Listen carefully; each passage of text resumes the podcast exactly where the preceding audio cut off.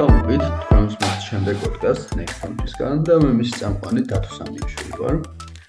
აა დღევანდელი ჩვენი პოდკასტი იქნება ცოტა განსხვავებული, ფორმატი იქნება ცოტა განსხვავებული. არ ვისაუბრებთ უშუალოდ მეცნიერების ამ კონკრეტულ თემაზე, არამედ ვისაუბრებთ ციგნზე, აა სამეცნიერო პოპულარულ ციგნზე, ჯარეთ დაიმონდის არ ვიცი თუ ხსმენიათ ან თუ არ ხსმენიათ, ესეთი ციგნი არსებობს, არის თოფები, მიკრობები და ფოლადი. ამ ციგზე ბევრი რაღაც თქმა შეგვიძლია.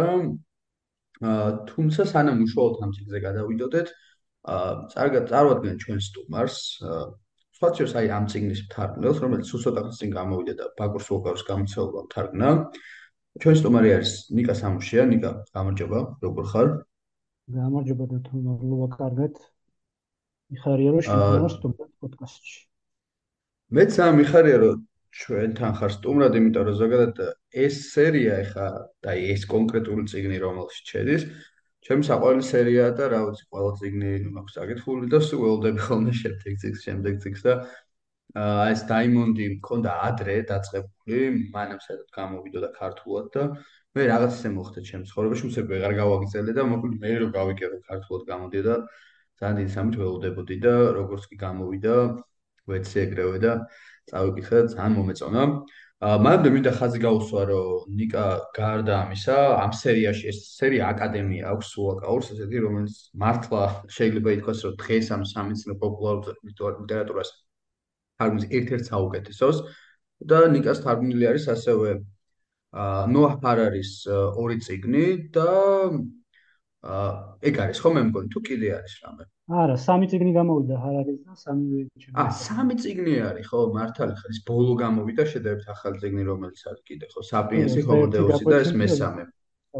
კი ბატონო, რომელიც სხვა შორის შედარებით ყველაზე ნაკლებად მომეწონა, უნდა ვაღიარო, იმიტომ რომ რაღაც ისეთი შაბაჭება დამრჩა, რომ აი ეს პირველი ორი წიგნი რა, ეს საპიენსი და მერე ჰომოდეუსი თითქოს ყველაფერი ჩიგნით ჩადაოდა. აი ეს შემდეგ ეს რამდენი გაკვეთილი სახელის კი არ დავამახსოვრდ ზუსტად. თითქოს ამ ყველაფრიდან ამოღებული ქონდა და რაღაც ეპიზოდურად ქონდა ჩასმული რაღაცები და აი ტვინი ხო რაღაც ესეთი რაღაცაა, რომ აი როგორ ჩანს აი ორი წიგნი დავამახსოვრდა რა, მესამე არც კი მახსოვდა კარგად. თუმცა ძალიან კარგად იკითხება ეგეც. კარგი ვერ გამოდია. ხო რა, კარგად იკითხება, მაგრამ აი არ არის ხო ანუ აი როგორი რაღაცა იცი ის ორი რო გაქვს არ არის წაკითხული საპიენსი და ჰომოდეუსი მე უცებ ამას რო კითხულობ უფრო თითქოს მეტი გინდა ხო და უცებ აღმოაჩენ რომ იდეაში რა ვიცი პირველ ორში რაც არის თითქოს იქიდან რაღაცები ამოკრეფილია და ხო ნუ არც პროგნოზებით ვერ ვიტყვით რომ დიდად გამოირჩევა თუმცა წასაკითხად მაინც ძალიან კარგია მაგრამ ნუ ის ორი წიგნი ძალიან მაგარია რა აი საპიენსის და ეთო დასაწყისი ეს თავიდან ადამიანების მრავალფეროვნებაზე რო საუბრობთ, ხო, ძალიან ბევრი ჩემ მეგობარს ვუჩიე, სადაც ბევრმა გაიგო არც იც, ანუ სულად ადამიანებმა არც იციან, რომ იყო პერიოდი, როდესაც ადამიანის ბევრი სახეობა ერთდროულად არსებობდა და თანაცხოვრობდა, ხო, და აი ესეთი მარტივი რაღაციდან დაწყებული, ნუ, ჰომოდეუსი საერთოდ მომავალზე რო საუბრობთ და როგორ როგორ წარმოგვიდგენთ, როგორ შეიძლება იყოს ამ ხრივ უკეთ ძალიან კარგია. არ ვიცი, ჩვენ ალბათ სასიამოვნო პროცესია ალბათ, ხო, როცა ეს ციგს თარგმნებს, აი მაგაზე რა შეგიძლია გითხრა? კი, რა თქმა უნდა, სასიამოვნოა, პირველ რიგში შემეცნებითია და მეორე მხრივ რაც ყველაზე მეტად მომწონს ამ პროცესში ისაა, რომ ადა იმისა, რომ ტექსტ თარგმნი, ესე გიწევს თქვა ამატებითი მასალების გაცნობა და უფრო მეტ რამეს იგებ. აი ძალიან მომწონს ხშირად ვთქვათ ერთი აბზაცის თარგმნისას რაღაც სხვა მასალებს რომ მოვიძიებდი ხოლმე ისე ჩამიტრებდა ხოლმე თქო რაღაც თელი დღე სხვა რაღაცას კითხულობდი ხოლმე. ხრივ არა მხოლოდ ჩემთვის იქნება ასე ალბათ კითხველისთვისაც ალბათ კითხულობ ამ ტექსტებს. მე ალბათ უფრო მეტის კიდე უფრო მეტის გაგება გინდება და ეს ეს სერიაც ალბათ ამისთვის არის შექმნილი რომ ამ კითხველს ჩვენ სამყაროზე უფრო მეტის გაგების სურვილი გაუჩინე. კი ბატონო, ორის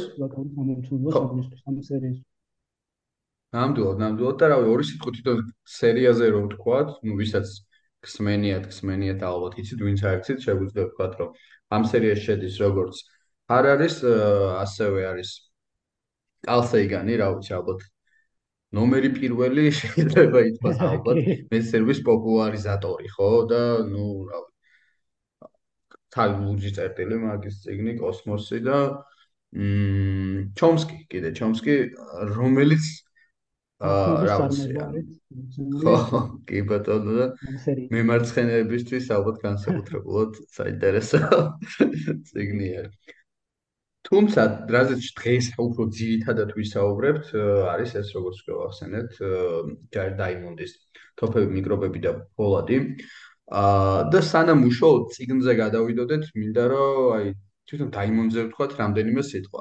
იმიტომ რომ დაიმონზე რა შეგვიძლია ვთქვათ, ეს არის ადამიანი უნივერსალი. ხო, აი ფრეგურთელზე რო ამბობენ ხოლმე, რომ უნივერსალია, მარცხნივადაც შეუძლია თამაში, მარჯვნივადაც და ფლანგებზე, ვინგერად და ცენტრშიცო და რორამე ფორვარდადაც ითამაშებს, ცენტრ ფორვარდა და რაღაც ეგეთი მეცნიერია დაიმონდი, იმიტომ რომ ძალიან მულტი არის, ხო, მისი ამ ბევრ სფეროში არის რეალურად, მათ შორის ფსიქოლოგიც არის განათლებით, აი რა შეგვიძლია ვთქვა ამ ავტორზე სანამ უშუალოდ თვითონ მის თავარ წიგნზე გადავიდოდეთ. კი ბატონო, როგორც შენ თქვი, საქმე გვაქვს მრავალმხრივი განათლების მქონე ადამიანთან. დაიმონდი არის ბიოქიმიის, ფიზიოლოგიის სპეციალისტი, არის ანთროპოლოგი, ეკოლოგი, გეოგრაფი, ევოლუციური ბიოლოგიის სპეციალისტი. და ამასთანავე არის ორნითოლოგიც და შეიცავლის ფრინველებს. ასე რომ ხო და ასეთი ადამიანის ციგნი რა თქმა უნდა საინტერესო უნდა იყოს. ის ამასთანავე მასწავლის ლოს-ანჯელესის კალიფორნიის უნივერსიტეტში. ანთ ძალიან დიდი დრო გატარებული აქვს პაპუა ახალ გვინეაზე, სადაც ადგილობრივ ტომებთან ერთად ცხოვრობდა და მათ აკორდებოდა და ამ ციგნის შექმნაში ამას დიდი წვლილი აქვს შეტანილი ის პირად გამოცდილება. კი ბატონო, ნამდვილად და აი ეს ციგნი მაინც არის მთავარი მისი, მთავარი მის ციგნია. სხვა შორის ამ რაღაც ლექციებსაც უსმენდი მაგის ეს გამოსვლებს და რამდენიმე განიყო ეგრე რა, არა მარტო ერთგან, რომ წარდგენისას რამდენიმე ეს წარადგინეს არის მის ნიშაა ეს ალბათ რომ ამერიკელების პასუხი დარვინს. ესე წარადგინეს ჩვენთან არის ჯარედ დაიმონდი ამერიკელების პასუხი დარვინსო და ნუ იქ ხაზი იყო გასმული წარმოდგენების მიერ რამდენიმე გან რომ ასეთი მნიშვნელობის და მაღალი დონის მეცნიერია და თუ დარვინმა სიტყვაზე დასვა შეკითხა რომ საიდან მოდის ეს სახეობების მრავალფეროვნება და ასე შემდეგ. და დარვინის ესე ვთქვათ მოგზაურობები ცნობილია ხო? ჯერ კიდე ძალიან ახალგაზრდობაში როდესაც წავიდა სამოგზაუროდ შემოიარა ფაქტიურად დედამიწა და მე ეტაპობრივად ამის პარალელურად სწავლობდა ხო? მცენარეებს, ცხოველებს და ნუ მივიღეთ. დარვინის ევოლუციის თეორია და საერთოდ ბიოლოგიაში სულ გადატრიალება და რაღაც ახალი შექმნა. და დაიმონდზე დაიმონდი შეიძლება ითქვას, რომ კონკრეტულად ამ შემთხვევაში ციგნშიც და ზოგადად მისი მიმართულებასაც რო გადახედო, სვავს უფრო ისეთ შეკითხვას, ხო? მაგალითად, თუ ის ამბობს დარვინი, რომ საიდან მოდის ეს სახეობების მრავალფეროვნება, სვავს შეკითხვას, საიდან მოდის ადამიანებს შორის, ანუ კონტინენტებსა და ცივილიზაციებს შორის ასეთი განსხვავებები, ხო? და რატომ არის ის უთანასწორობები და რატომ იყო ის უთანასწორობები, რომლებიც აა იყო წარსულში, გარკვეულ საუკუნეებში, ხო?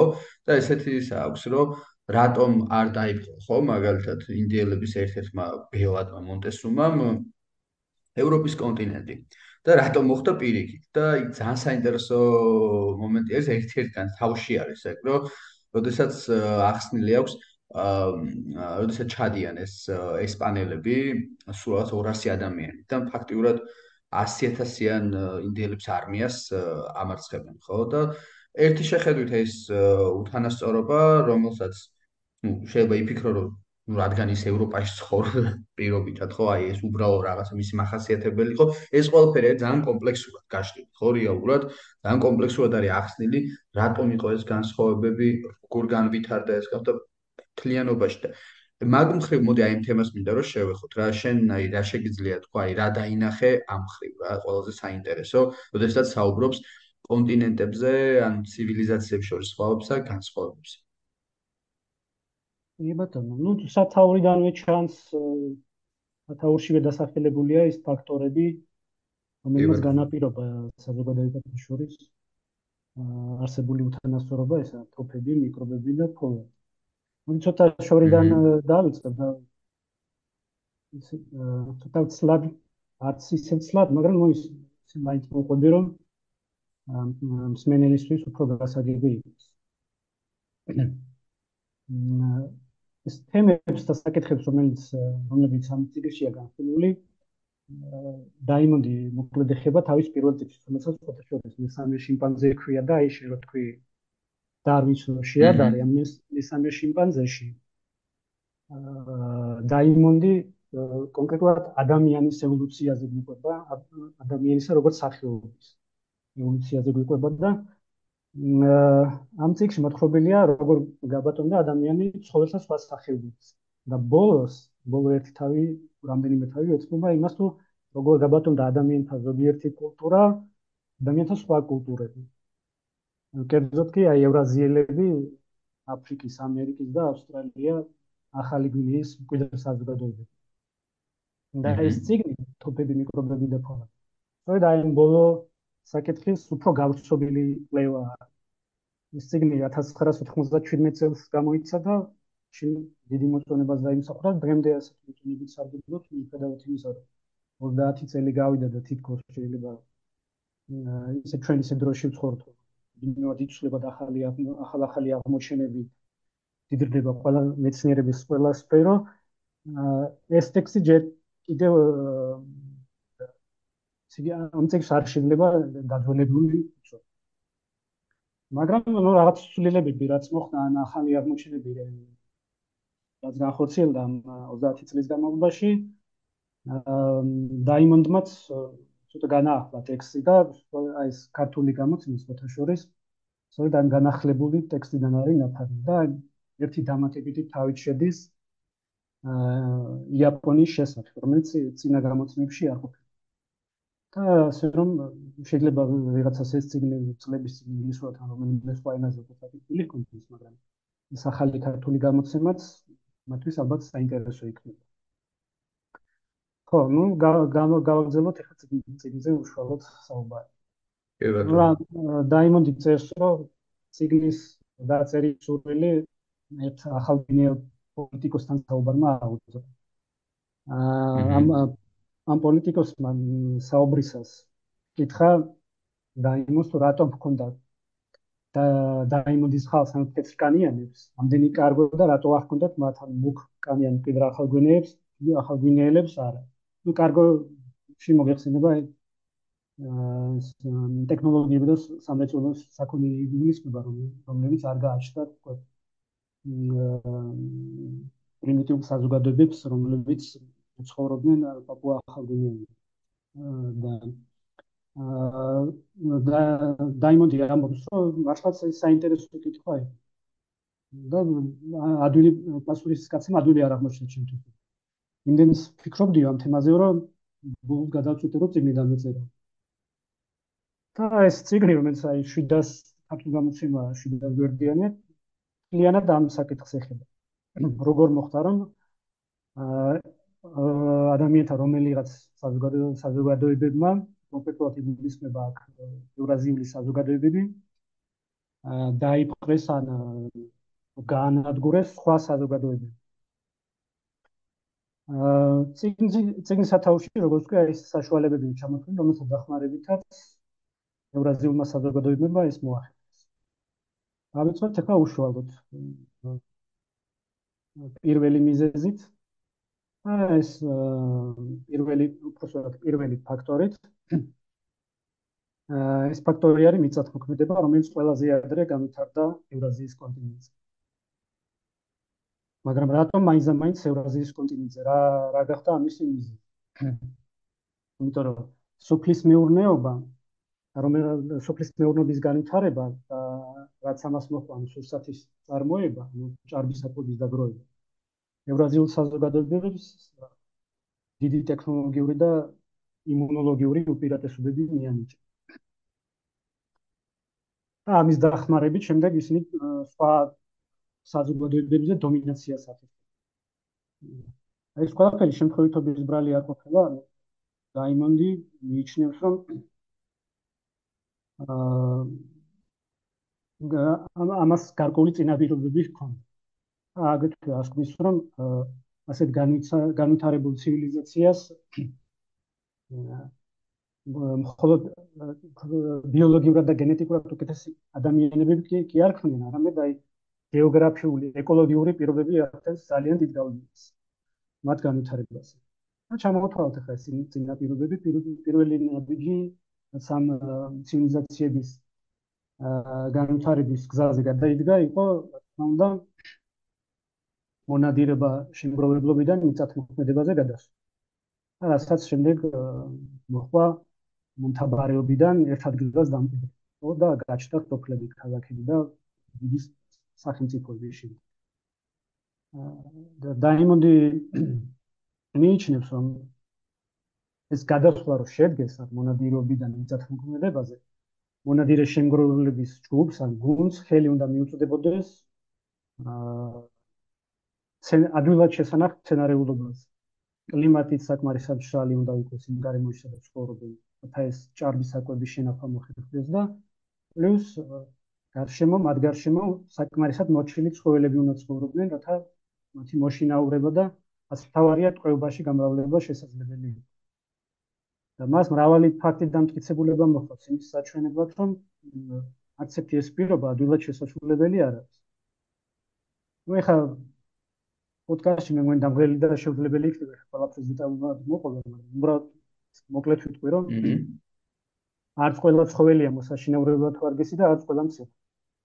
ეს თავარია თავარი ფაქტორია, რადგან ყურადღება უნდა გავამახო. და კი. ანუ და კარგად აქვს ეგ სხვადასხვა.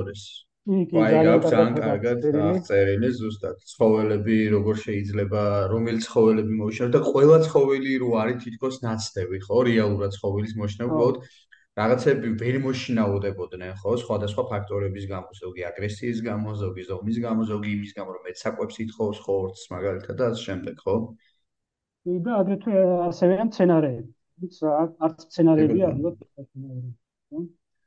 ის სამბობს რომ სინამდვილეში ვარგისი მოსაშინევრებლად ვარგისი სცენარეების და ცხოველების რიცხვი საოცრად მცირეა. ჩვენ კი გონია რომ თქვა აი ამდენი ცხოველი და სცენარეები და მიწები ხო და როგორ მოხდა რომ თქვა მხოლოდ რო და რო დააფიქრეთ არც ისე ბევრი შინაური ცხოველი იყო და არც ისე ბევრი შინაური სცენარი გაგვეშვა ხო? აჰა და ისე თქმით უპირატესობა ასევე იმ საზოგადოებებმა მოიპოვეს რომელთა ჰაბიტატებში ეს მოსაშინაურებლად ვარგის სცენარები და ცხოველები უფრო ბევრი გვხვდებოდა. და ასეთი ჰაბიტატების სიმრავლე სწორედ ევრაზია გამოიჩინა მაგალითად ისე რომ აქ ხდებოდა ჩერი, ხორბალი, ცილით მდიდარი პარკოსნები, აგრეთვე სელი, რომლითაც ქსოვილები მზადდებოდა.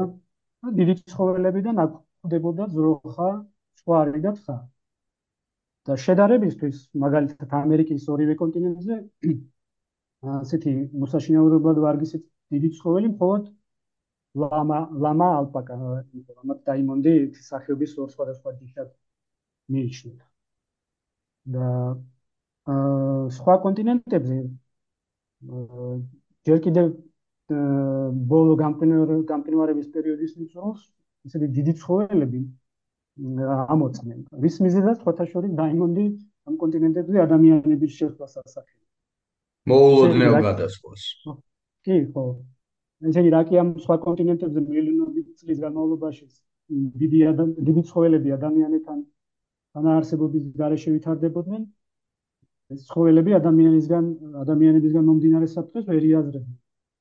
თუმცა იქ სულ რამდენიმე თუ 10-10000 წლის წინ ადამიანები გადასახდნენ ისინი მონადირეთა ეს ცხოველები მონადირეთა პირველ სამძლიებლად იცენ და მათი მსხვერპლიც ადვილად ხდებოდნენ და ჭარბმა ნადირობა ამ სხვა დანარჩენ კონტინენტებზე სულ გააწყვეტა დიდი ცხოველი. რამაც რა თქმა უნდა ხელი შაუშ ხელი შაუშალა ამ კონტინენტებზე მეცხოველეობის განსხვავებით ევრაზიაზე. კი ბატონო, აი ერთი რაღაც მინდა უბრალოდ მსმენელისთვისაც თქვათ და ხაზი გავუსვათ, იმიტომ რომ ზოგადად ჩვენ როგორც ვიცით ამ წიგშიც არის მაგაზე საუბარი სხვა შორის ხარ აა საპიენსის ძალიან დეტალურად არის გახწერილი რა და ზოგადადაც რაც ვიცით არქეოლოგიური კვლევებიდან გამომდინარე არის რომ აა პირველი ადამიანი ჰომო საპიენს გულის უშუალოდ ჰომო საპიენსი იწყებს აფრიკიდან გამოსვლას, ანუ აფრიკაში ჩნდება ჩვენი უძველესი წინაპარი. აა შემდეგ იქიდან ის გამოდის მე იქ ხვდება ესე ვთქვათ ევრაზიის სადღაც ტერიტორიისკენ აა ნეანდერტალელებს, იქით დენისოველებთანაც აღკვეთა ეს რომ ნეანდერტალელები და დენისოველები არიან. ასევე შეიძლება ითქვას, ნუ ადამიანები არიან უბრალოდ განსხვავებული სახეობა არის მათი კონკრეტულად ნეანდერტალელებზე რაც უკვე დღეს თამამად შეგვიძლია ვთქვათ საკმაოდ განვითარებული ადამიანები იყვნენ ისინი სახეობა იყო მათ ჰქონდათ თავისი ხელოვნება თავის დაღუპულებს კრძალავდნენ ჰქონდათ კომპლექსური კომპლექსური რა იმ პერიოდისთვის შეიძლება ითქვას რომ იარაღებიც ჰქონდათ და ძალიან ბევრი სხვა ფაქტორი. თუმცა ნუ დღეს ვიცით რომ გადარჩა მარტო ჩვენი სახეობა მიუხედავად იმისა რომ ნეანდერტალების გენებსაც ვატარებთ რაღაც დონ ამდენიმე პროცენტ ასევე დენისოველებსაც მათ ვინც ესე ვთქვათ დავტოვეთ აფრიკა და ქონდა ინტერაქცია ამ ნეანდერტალებთან დენისოველებთან თუმცა ეხა ეს რატო გავიხსენე ხო? აი ამ ციგვის უფრო დეტალურად გასაგებად რაც ახლა გინდა ჩვენ საუბრობდი ეს უნდა ხაზი გაუსვათ ალბათ იმას რომ აა როდესაც ადამიანები დასახლდნენ აფრიკიდან წამოვიდნენ შემდეგ იყო ევროპის კონტინენტი აზიის კონტინენტი აა ფეხით რეალურად გადადიან ისინი ამერიკის კონტინენტზეც, ხო? აა ჩtildeოეთის მხრიდან. კი ბატონო, ეს არ უნდა აღვიქვათ ისე, რომ თითქოს მათ ოკეანე დაფარეს, ხო? ფიზიკურად სხვანაირი იყო მაშინ დედამიწაზე კონტინენტების კავშირები და როგორღაც მოხერხდა, ესე ვთქვათ, გადასვლა პირველ პირველ ყოფილი ადამიანების მიერ ამ ამერიკის კონტინენტს შესაბამისად აი რასაც შენ ამბობდი, გამოდის რომ ბევრად უფრო გვიანავე აითვის ადამიანმა ეს კონტინენტები და რაღაც ახალი სიურპრიზი იქნებოდა იქ ყოფი ცოცხალი ორგანიზმებისთვის და იქ იქ არსებული ბიოლოგიისთვის, ხო? ადამიანი და აი ზუსტად ამას გულისხმობ შენც, ესე იგი, როდესაც აუბრობთ რეალურად იმაზე, რომ შეიძლება მართლაც აი გადაშენება უშუალოდ ამ უცებ იმ კონტინენტზე მოხვედრილ ადამიანებს გამოეწვიათ. რაც საბოლოოდ ძალიან ისეთია ალბათ, ცოტა კომიკურიც, რომელიც ისევ მათ წინააღმდეგ ტრიალდება, ხო? რეალურად ა იმის გამო რომ იქ აღარ არსებობს ისეთი ცხოველები რომლის მოშინაურებასაც ესენი შეძლებდნენ ევროპაში სხვები ამას აშინაურებენ და რამდენიმე 1000 წლის შემდეგ ჩადიან და თავად უკვე იმათ იფხრობენ ხო ძალიან აი და აი ეს კავშირები აი ჩემთვის არის ყველაზე ძალიან აი ამ ციკში ყველაზე მეტად რა ეს მომეწონა ზოგადად რომ ანუ ფარართანაც ეგ არის რა ფარს რო კითხულობ რომ ანუ აი ეს თავს უფრო აღიქვა რაღაც ძალიან დიდის ნაწილად და არა რაღაცა განკენებულად ხო თითქოს და იმასაც იაზრებ რომ აი ის რო რა ვიღაცას გონია რომ თითქოს ინდივიდი იქ რაღაც კონკრეტულ გადაწყვეტილებას იღებს ან ინდივიდის არსებობს იღებს გადაწყვეტილებას მაგრამ ეს ყველაფერია ძალიან კომპლექსური კომპლექსური რეალობის ნაწილია ხო რომელიც შენ სად გაჩნდები ან პირდაპირ განსაზღვრავს იმას, ხო? შეიძლება შენ პირდაპირ მშვიდობიდან გაწერილი იყოს რაღაც თემზე დეტერმინირებული ყოფილიყო, ხო? რომ ვინც გინდა გაჩენილიყო ადამიანი სიტყვაზე ამერიკის კონტინენტზე, ვინც აქეთ გაჩნდებოდა, ის უფრო აქეთ განვითარდებოდა, ხო? აი ძალიან ძალიან საინტერესო დეტალია ერთი, როდესაც საუბარი არის ამ ციგნში იერარქიების წარმოებაზე. ანუ გულისხმობ იმას, რომ როდესაც აი ზუსტად ეს მიწათმოქმედებაზე გადავდივართ, ხო? მანდარი ხა აქ საუბარ დაიმონდის მაგას ამბობს რომ რეალურად აქ ჩნდება მე უფრო კომპლექსური და რთული იერარქიები იმიტომ რომ მიწათ მოქმედებამდე ხო მონადარე მონადირე მომთაბარე მონადირები რასაკეთებ შემგრობლები რასაკეთებენ ხო ყველა უნდა წავიდეს და რაღაც დონეზე თავისი წილი მოიპოვოს ხო საკვები და იმის ფუფუნება არ არის რომ ეხლა რაღაცა 10 მონადირე მაგერ კიდე 20 კაცი ცალკე რომელიც რაღაცა პროფესიას მოიგონებს ის შეინახოს შესაბამისად ვერ ვითარდება პოლიტიკა იქ, ხო? ვერ ვითარდება იერარქიები და აი ეს მიწათ მოქმედება აჩენს ზუსტად იმას, რომ ვიღაცამ შეიძლება იმდენი მოიყვანოს, რომ შენ მეტი გამოყვებო. და ამასთან ერთად მე უკვე ჩნდება უფრო აი ეს პროფესიები, ხო, რეალურად. აი მათ შორის სამხედრო ჯარისკაცები შეგიძლია გააჩინო, მეფეები გააჩინო. აი ამაზე რა შეგვიძლია ვთქვა, ეს ძალიან საინტერესო მომენტი იყო ჩემთვის. და მე ზუსტად ეს ის ინსტრუმენტი ხდება, ხო, რაც მე აჩენს ამ შემთხვევაში ფოლადს და თოფებს და ნუ მიკრობებს კიდე ასევე ვისაც მოქმედება აჩენს, ხო? დიახ, რა თქმა უნდა. აა ხო, ზუსტად ეს შემდეგი ნაბიჯი არის საზოგადოების განვითარებისა. თუმცა მანამდე კიდევ ერთ ფაქტორზე დავამახვილებდი ყურადღებას, რაც დაიმონდიცეს. კიდევ ერთი მთავარი ფაქტორი ის არის კონტინენტების ეგრეთ წოდებული ღერძი. ამისთვის რუკას უნდა დავაკვირდეთ, ხო. მაგალითად დავინახავთ, რუკასო დავაკვირდები, დავინახავთ, რომ ევრაზია ხმელეთის ყველაზე დიდი მასივია და ციგანეში ყველაზე დიდია. და გარდა იმისა, რომ ამ ხელა ფართობზე უფრო მეტი მოსაშინაურებლად ვარდიცი ცხოველი და მცენარე ხდებოდა, ევრაზიის ღერძის ეს აღმოსავლეთ და დასავლეთი მიმართულება ამ ცხოველების და მცენარების გავრცელებასაც აღადგენს. ესე იგი, ევრაზიის კონტინენტის ერთი ბოლოდან მეორემდე ერთსა და იმავე საფრთხელებში უზარმაზარი ტერიტორია მოქცეულია. მსგავს კლიმატურ ზონებში კი ევრაზიის სხვადასხვა ნაწილიდან შემოტანილი და ან შემოყვანილი მცენარეები და ცხოველები უფრო ადვილად იკიდებდნენ ფერს. შედარებისთვის ამერიკის ორივე კონტინენტზე ეს ღერძი ჩრდილოეთ სამხრეთის მიმართულებისა, ანუ ამერიკას სიგრძეში უფრო დიდია და ანუ ერთ გზეთში მოშინაურებული ცხოველების ამ მცენარეების სხვა ზონაში გადატანა უფრო ძნელი იყო, მათ შეგუება სხვა გარემო პირობებთან უჭირ. ეს კიდევ ერთი მნიშვნელოვანი ფაქტორია, აა რაც უნდა ვთქვათ. და ამიტომაც ამიტომაც იყო რომ ევრაზიაში, ვთქვათ, ერთ ადგილას მოშინაურებული, მაგალითად აზიაში მოშინაურებული ცხოველები ევროპაში ძალიან სწრაფად გავსადა, ну, ძალიან სწრაფად გულისხმობ რამდენიმე 100 წელს, ან შეიძლება 1000 წელი 1000 წელი ყოფილიყო. მაგრამ ამერიკაში მაგალითად უფრო დიდხანს გრძელდებოდა ეს პროცესი, მაგალითად ის წერს, რომ მექსიკიდან, დღევანდელი მექსიკის ტერიტორიიდან შშს რაღაც დასავლეთში ნობიოს შეტანას დაშვება რაღაც დაახლოებით 10000 თუ 8000 წელი, ხო? ძალიან დიდი დროა. და ამ დროს ევრაზიაში თქვა ჩინეთიდან ევროპამდე შეიძლება მიიღწია 1000 წელიწადში რაღაც ახალ გამოგონებას და ესეც ერთი ძალიან მნიშვნელოვანი ფაქტორი იყო იმისა, რომ ევრაზიაში უფრო სწრაფად ვითარდებოდა საზოგადოება. და მოკლედ გავაგზავნე ხა მასაც შეიძლება ზეგან ევრაზიაში უფრო ადრე და სწრაფად გაჩნდა მეორე მიწათმოქმედი საზოგადოება ვიდრე ამერიკაში ან მაგალითად აფრიკაში. ამ მიწათმოქმედი საზოგადოების საზოგადოებების განვითარება მეცხოველეობის განვითარება გამოიწვია ჭარბი სურათის ჭარბი სურსათის დაგროვება. სურსათს სურსათის დაგროვებას მოხდა რა თქმა უნდა შრომის განაწილების შესაძლებლობა, ხო? ანუ გაჩნდა სხვადასხვა საქმის სპეციალისტები ვირუსში და მოხდა საზოგადოების განშრევება.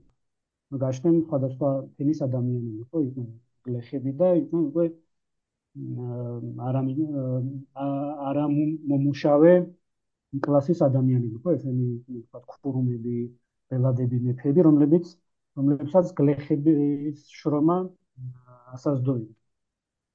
თვითონ ეს მაღალი ფენის ადამიანები, ვთქვათ, ამ გლეხების მოწეულ სულსაც ანაწილებდნენ. მაგრამ ამაზე აღარ შევჩერდეთ, იმიტომ რომ საზოგადოების ევოლუციის თანმიმდევრობა ალბათ მეორე მსმენელისთვის ისედაც ცნობილია. თორემ მაგრამ თავარი ჩვენ ჩვენთვის თავარი იყო ის აღნიშნა რომ ეს ყველაფერი ევრაზიაში უფრო აა სწრაფად და მალე მოხდა ვიდრე სხვა კონტინენტებში.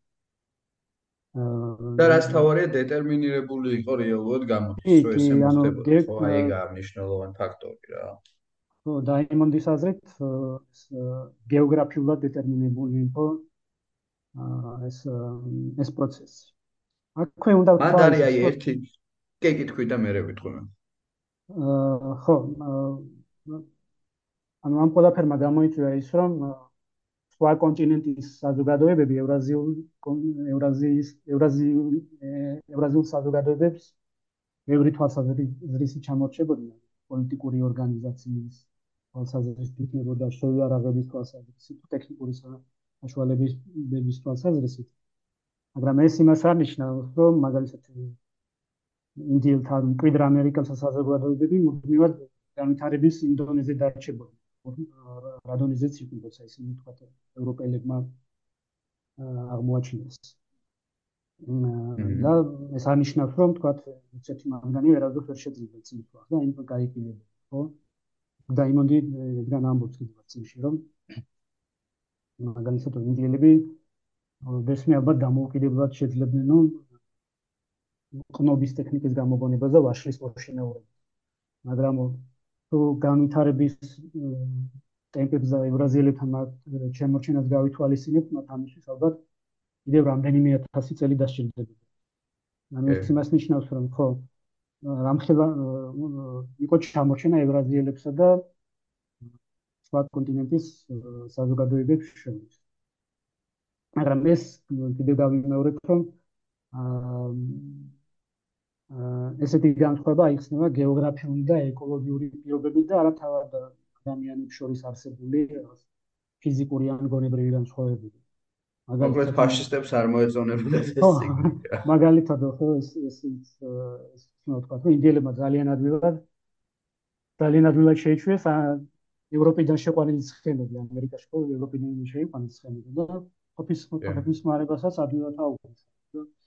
ის წერს რომ აი ამერიკულ რესტორანებში თუ რამე გინახავს ეს ცხენოსნობასა და თოფის როლაში გაწაფული ინდიელები არიან და ამ დროს ინდიელებმა მხოლოდ თოფებით და ცხენებით პირველად სწორედ ევროპელებთან ნახეს ხო? ანუ ეს იმის სათქმელად ეს ის ასანიშნავად თქვი რომ აა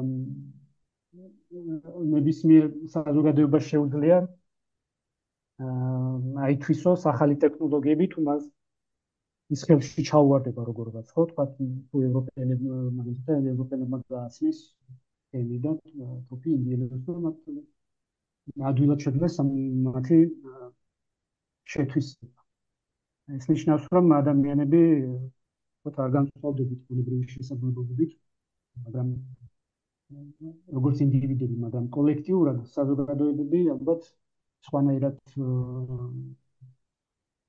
მანერად მოქმედებენ და ეს ციგნი სწორედ იმაზეა როგორ აა რა განაპირობებს საზოგადოებების ამათ თუ ინდონეზია ასვას მათ პროგრესს თუ რეგრესს.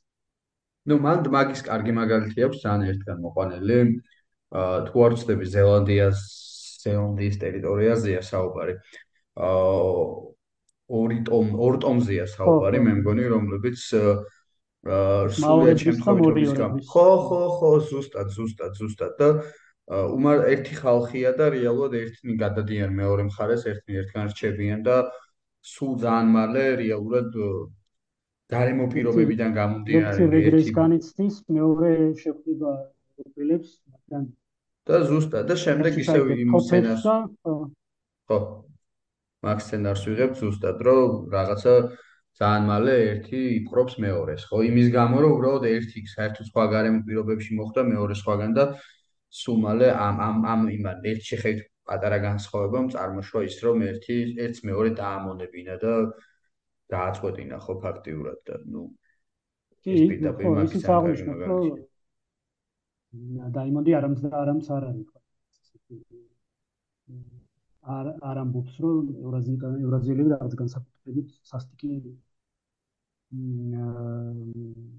სასტიკები იყვნენ ხო?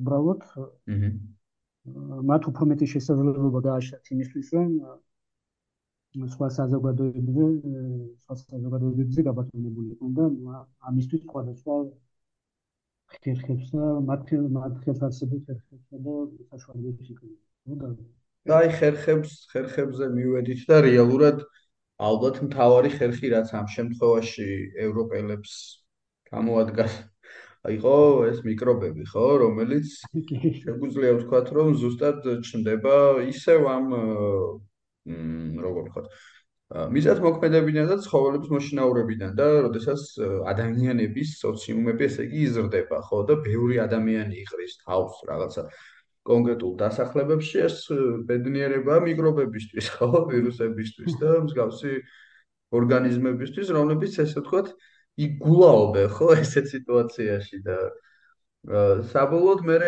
ეს ინსტრუმენტი გახდა ამ შემთხვევაში ევროპელების ინდიელების წინააღმდეგ რაც გამოიყენეს. ერთ-ერთი ძალიან საინტერესო მომენტიც აქვს ნახსენები ეს ზუსტად არც ვიცოდი ეს კონკრეტული შემთხვევა რომ რომელიღაც ტომისთვის რო გაუგზავნიათ აა თუ არ ვწდები ესპანელ კონკისტადორებს დაუმორჩილებ ტომს ხაჩუქრად გაუგზავნესო საბნებიო აა ყვავილი ვისაც ქონდა იმათიო რა მოხდილი ვისაც ქონდა ეს მათ საჩუქრებად გაუგზავნეს საბნები და მთელი ეს დაუმორჩილებელი ტომი, ანუ ასე ამოწყვიტეს პირდაპირ რა და ასნეულეს რეალურად.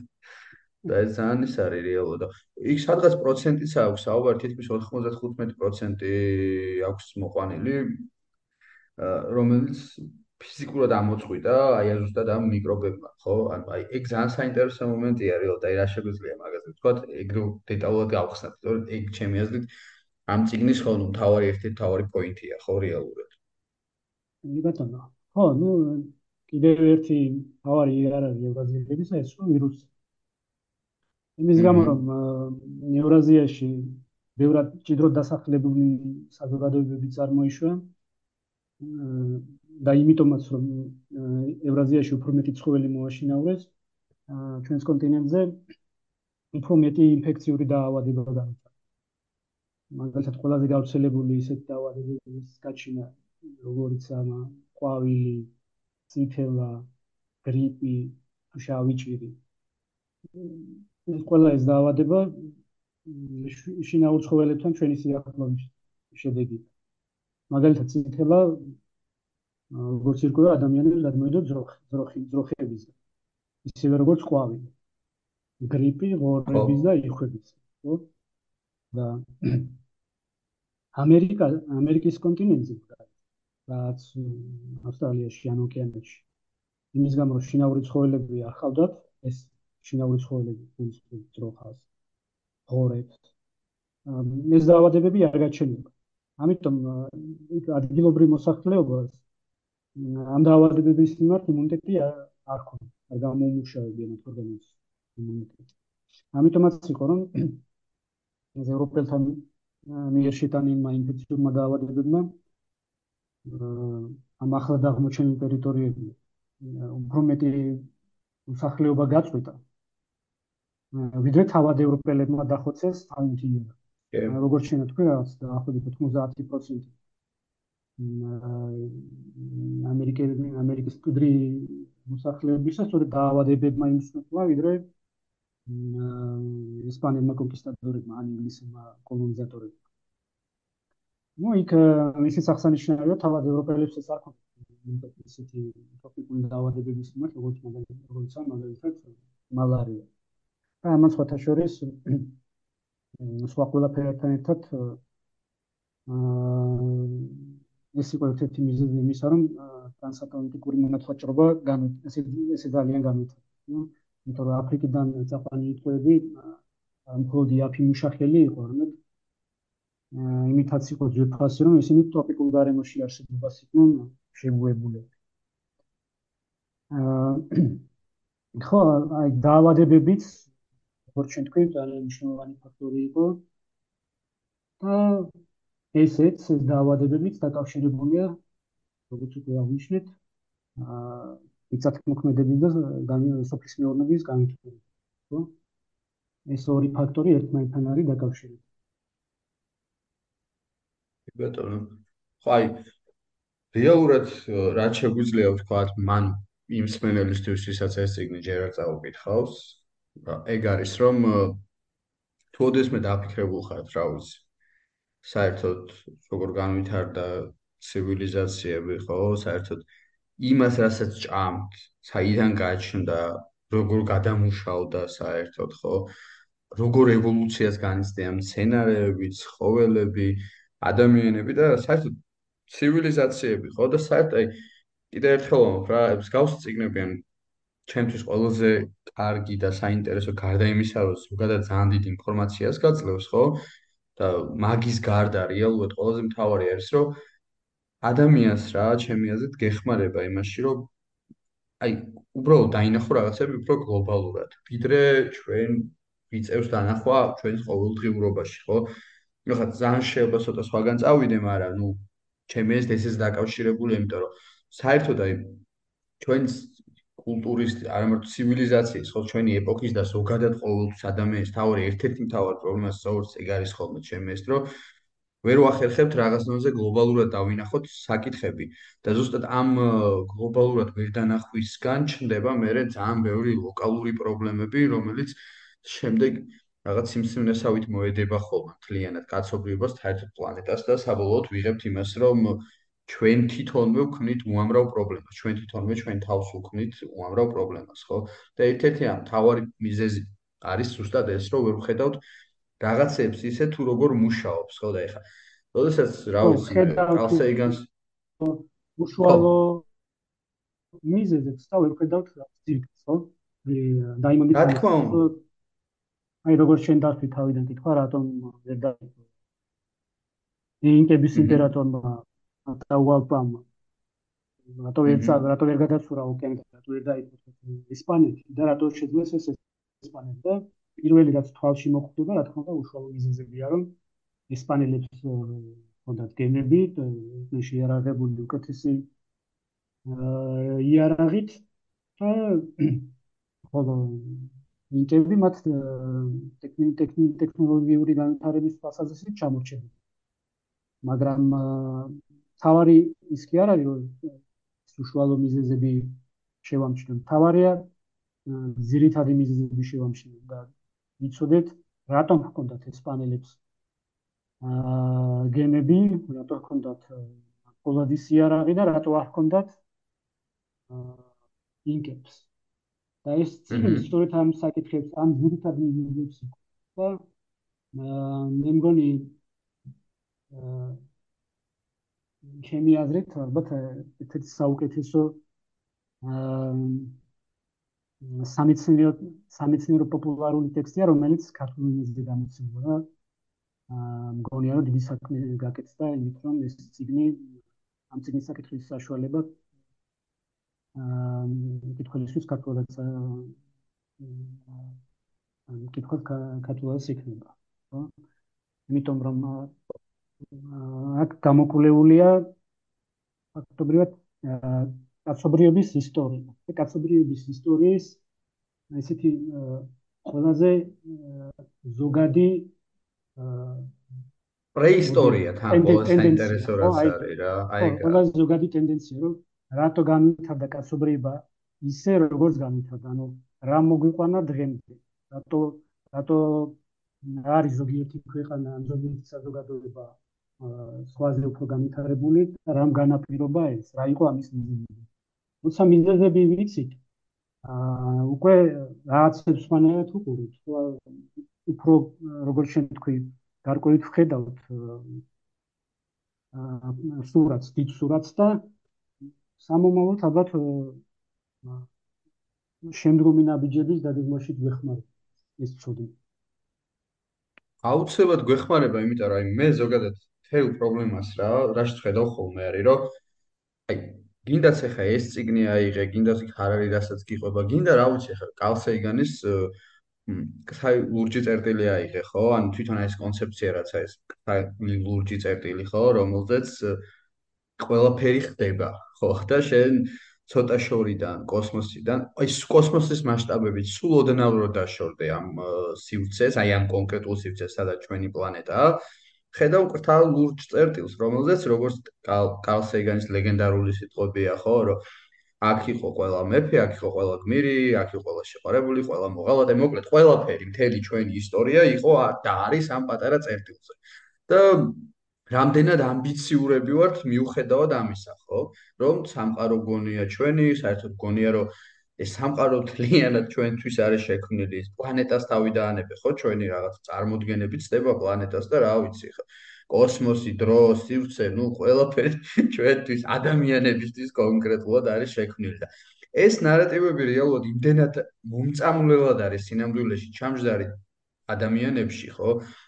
რაც ზოგადად აი განმანათლებლობასთან და ზოგადად რაღაც შემდეგ ეტაპთან ნელ-ნელა კარგი ვირუსივით შემოდის, რომ ხო აი კალსეიგანის რას ამბობს, ხო რეალოდ, რომ ანუ თითქოს ეს განათლების მომენტი, ხო რას გეუბნება, რომ შენს ეგოს უბრალოდ ძირს უშვებს, ხო? ან არცხებს და გეუბნება, რომ აი კარგი რა, რაღაც ფალურ წერტულზე ცხოვრობ და რა პრეტენზიები გაქვს, ხო, როცა რა ვიცი, ადამიანს თელი სამყარო ეგონა თავისი, ხო?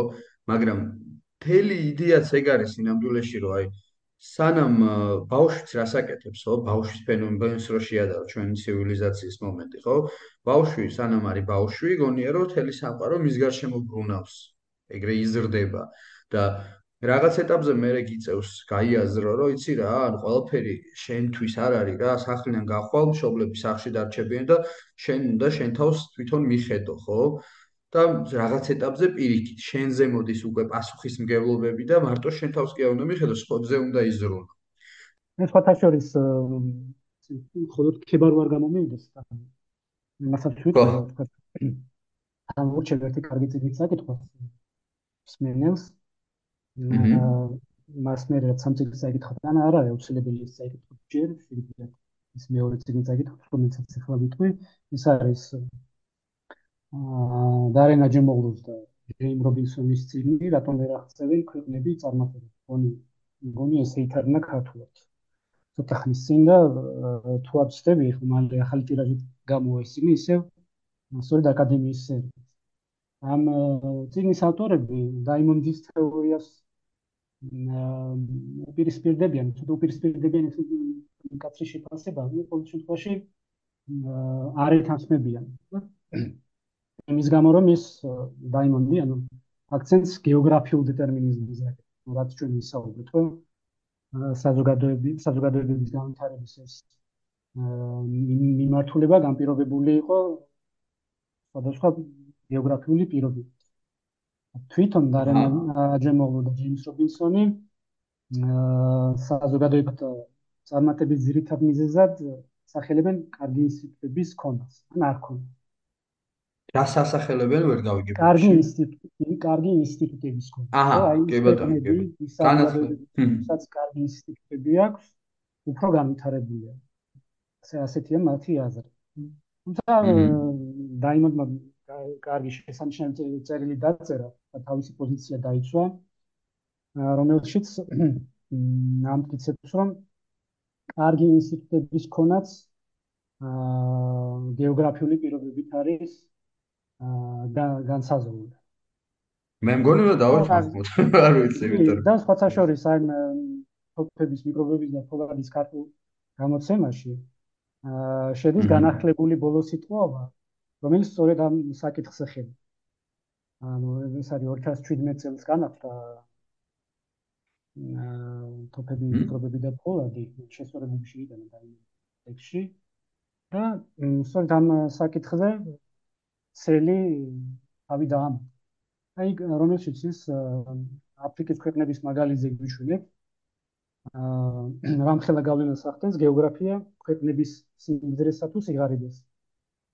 აი როგორც მონაცემებზე დაყნობით ჩანს, ვთქვათ, აფრიკის ტროპიკულ სარტყელში მოქცეული ქვეყნები, აფრიკის ზომიერ სარტყელში მოქცეული ქვეყნები გარიბები არის. თუ დავაკვირდებით, ვთქვათ, რუკაზე ამ ქვეყნებს ამ ორიცერთ და მე მათ სამე ინტერნეტში დღეს უკვე ადვილად ახსენე ეკონომიკური მონაცემები სხვადასხვა ქვეყნისა და თუ შევადარებთ, აღმოვაჩენთ, რომ ის ქვეყნები, რომლებიც ტროპიკულ სარტყელში მდებარეობს, უფრო ღარიბია, ვიდრე ზომიერ სარტყელში მდებარე ქვეყნები.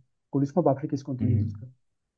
ამავე გარდა ამისა, ამავე კატეგორია, ორივე ამავე კატეგორიაში შემავალ ქვეყნებს შორის, აა ყოველთვის უფრო ღარიბია ის ქვეყანა, რომელსაც ზღვაზე გასასვლელი არ აქვს. რომელსაც ზღვაზე გასასვლელი აქვს, ის უფრო მდიდარი ქვეყანა. ანუ გეოგრაფიული პირობები ყოველთვის ახდენს გავლენას საზოგადოებების აა განვითარებაზე და მათ აა მდგომარეობაზე. და ხშირად დაიმონდი ასმის რომ ეს გეოგრაფიული მდებარეობით გამოწვეული შედეგები უფრო მნიშვნელოვანია ვიდრე ინსტიტუტის კარგი ან სუდი ინსტიტუტების კონით განპირობებული შედეგები. მაგალითად ამბობს რომ აი ზოგიერთ სამხრეთ ამერიკულ ქვეყანაში, ზოგიერთ აფრიკულ ქვეყანაში აა კარგი ინსტიტუტები საერთოდ არ არსებობს, მაგრამ ის მაინც მდიდარია ამავე კონტინენტზე მდებარე სხვა ქვეყანასთან შედარებით და მაგალითად თავს არგენტინის მაგალითი ან ლიბიის მაგალითი ან ეგვიპტის და ალჟირის მაგალითი. ხო, ისინი უკეთეს მათ უკეთესი გეოგრაფიული მდებარეობა აქვს.